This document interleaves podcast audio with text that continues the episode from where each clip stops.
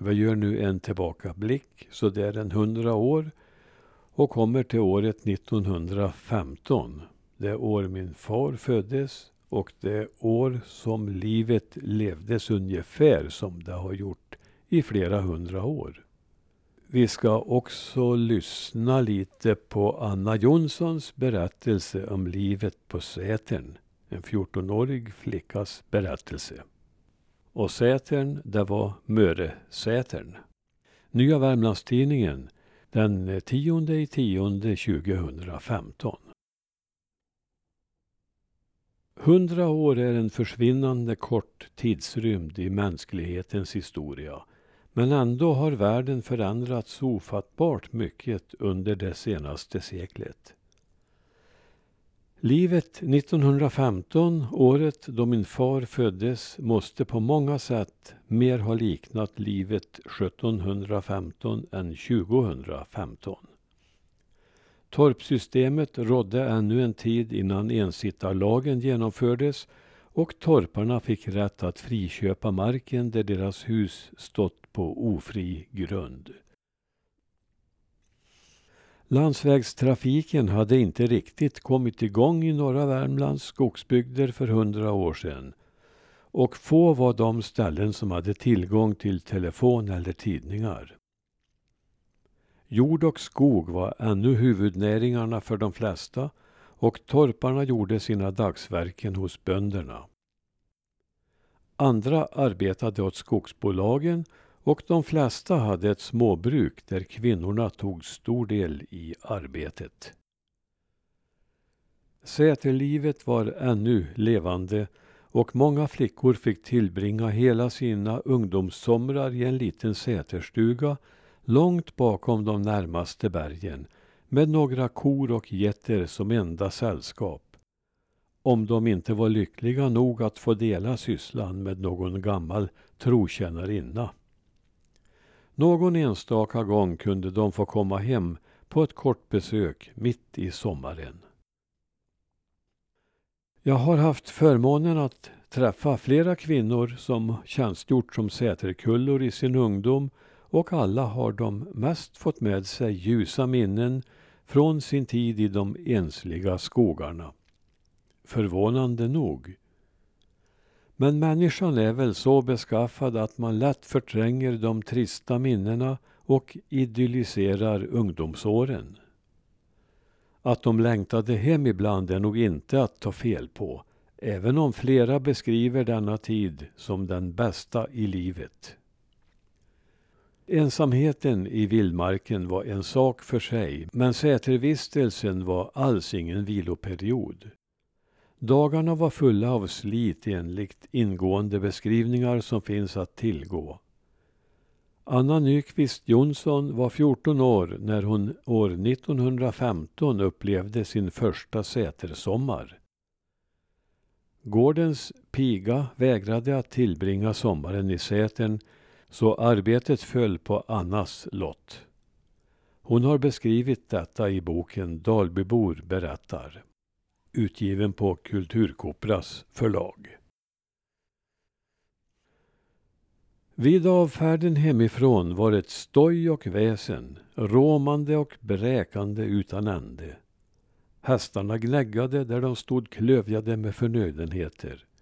Kalvarna skuttade och bjällrorna pinglade. Med kullan som bar sleketaskan i spetsen satte tåget kurs mot branterna och Sätern dit vi kom på eftermiddagen.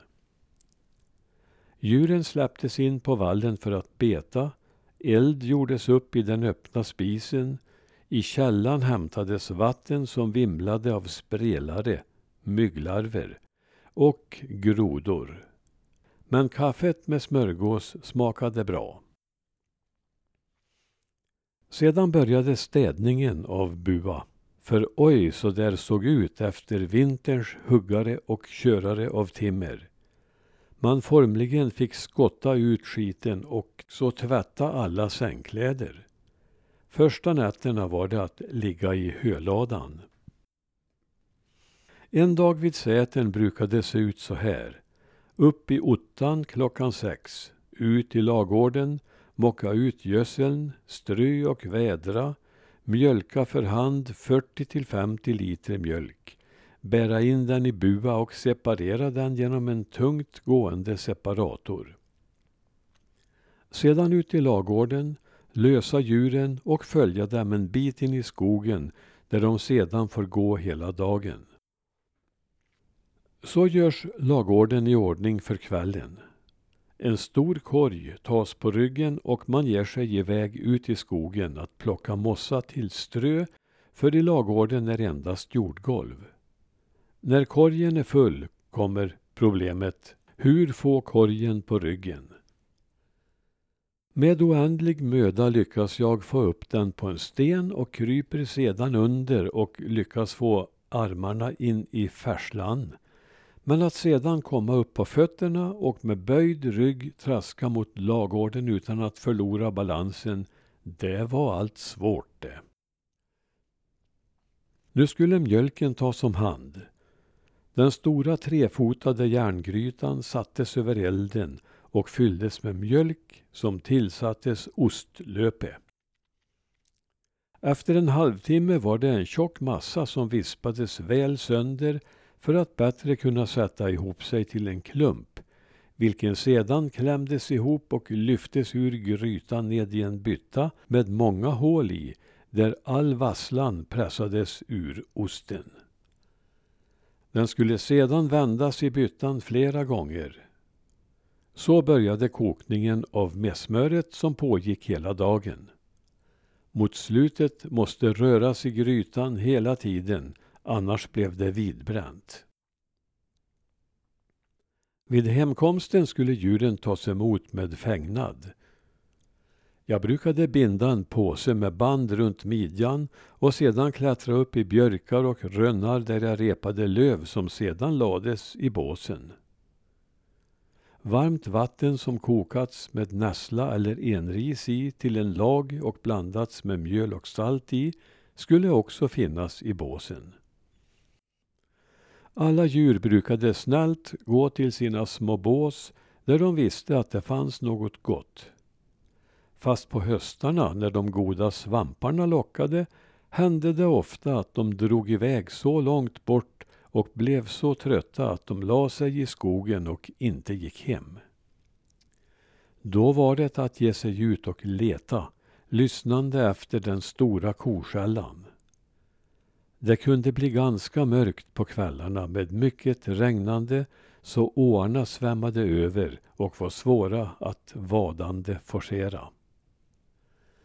Man höll många gånger på att strykas omkull av vattenmassorna. Men inte var man varken liv eller mörkrädd på den tiden och björn och varg fanns inte här i skogen då. Fick man bara tag på djuren var man glad och mjölkade gärna även om klockan var tolv på natten. Smör måste kärnas minst en gång i veckan. Vi hade en stor plåtkärna i sätern. Den vevades runt och det gick ganska tungt. Efter en timmes vevning innan man fick smör av grädden var man ganska utsliten. Sedan var det mera lättsamt att fiska upp smörklimparna ur kärnan till tråget där det sedan skulle ältas, kramas med trästav och all mjölken sköljas ur med vatten. Därefter saltades smöret och lades ner i en stor träbytta för längre tids förvaring. Där slutar vi Annas berättelse från Sätern i Möre. Ja, så gick dagarna fyllda av arbete. Inte minst rengöring tog sin runda tid. Diskning utan diskmedel försiggick i hetast möjliga vatten och Kullan sandskurade kärlen med nävertvaga och fin vit sand. Bland många oskrivna regler hon hade att hålla sig till sade en att om hon sköljde kärlen i rinnande vatten skulle korna sina. Vad skulle 2015 års tonårsflickor ha sagt om detta liv, månntro?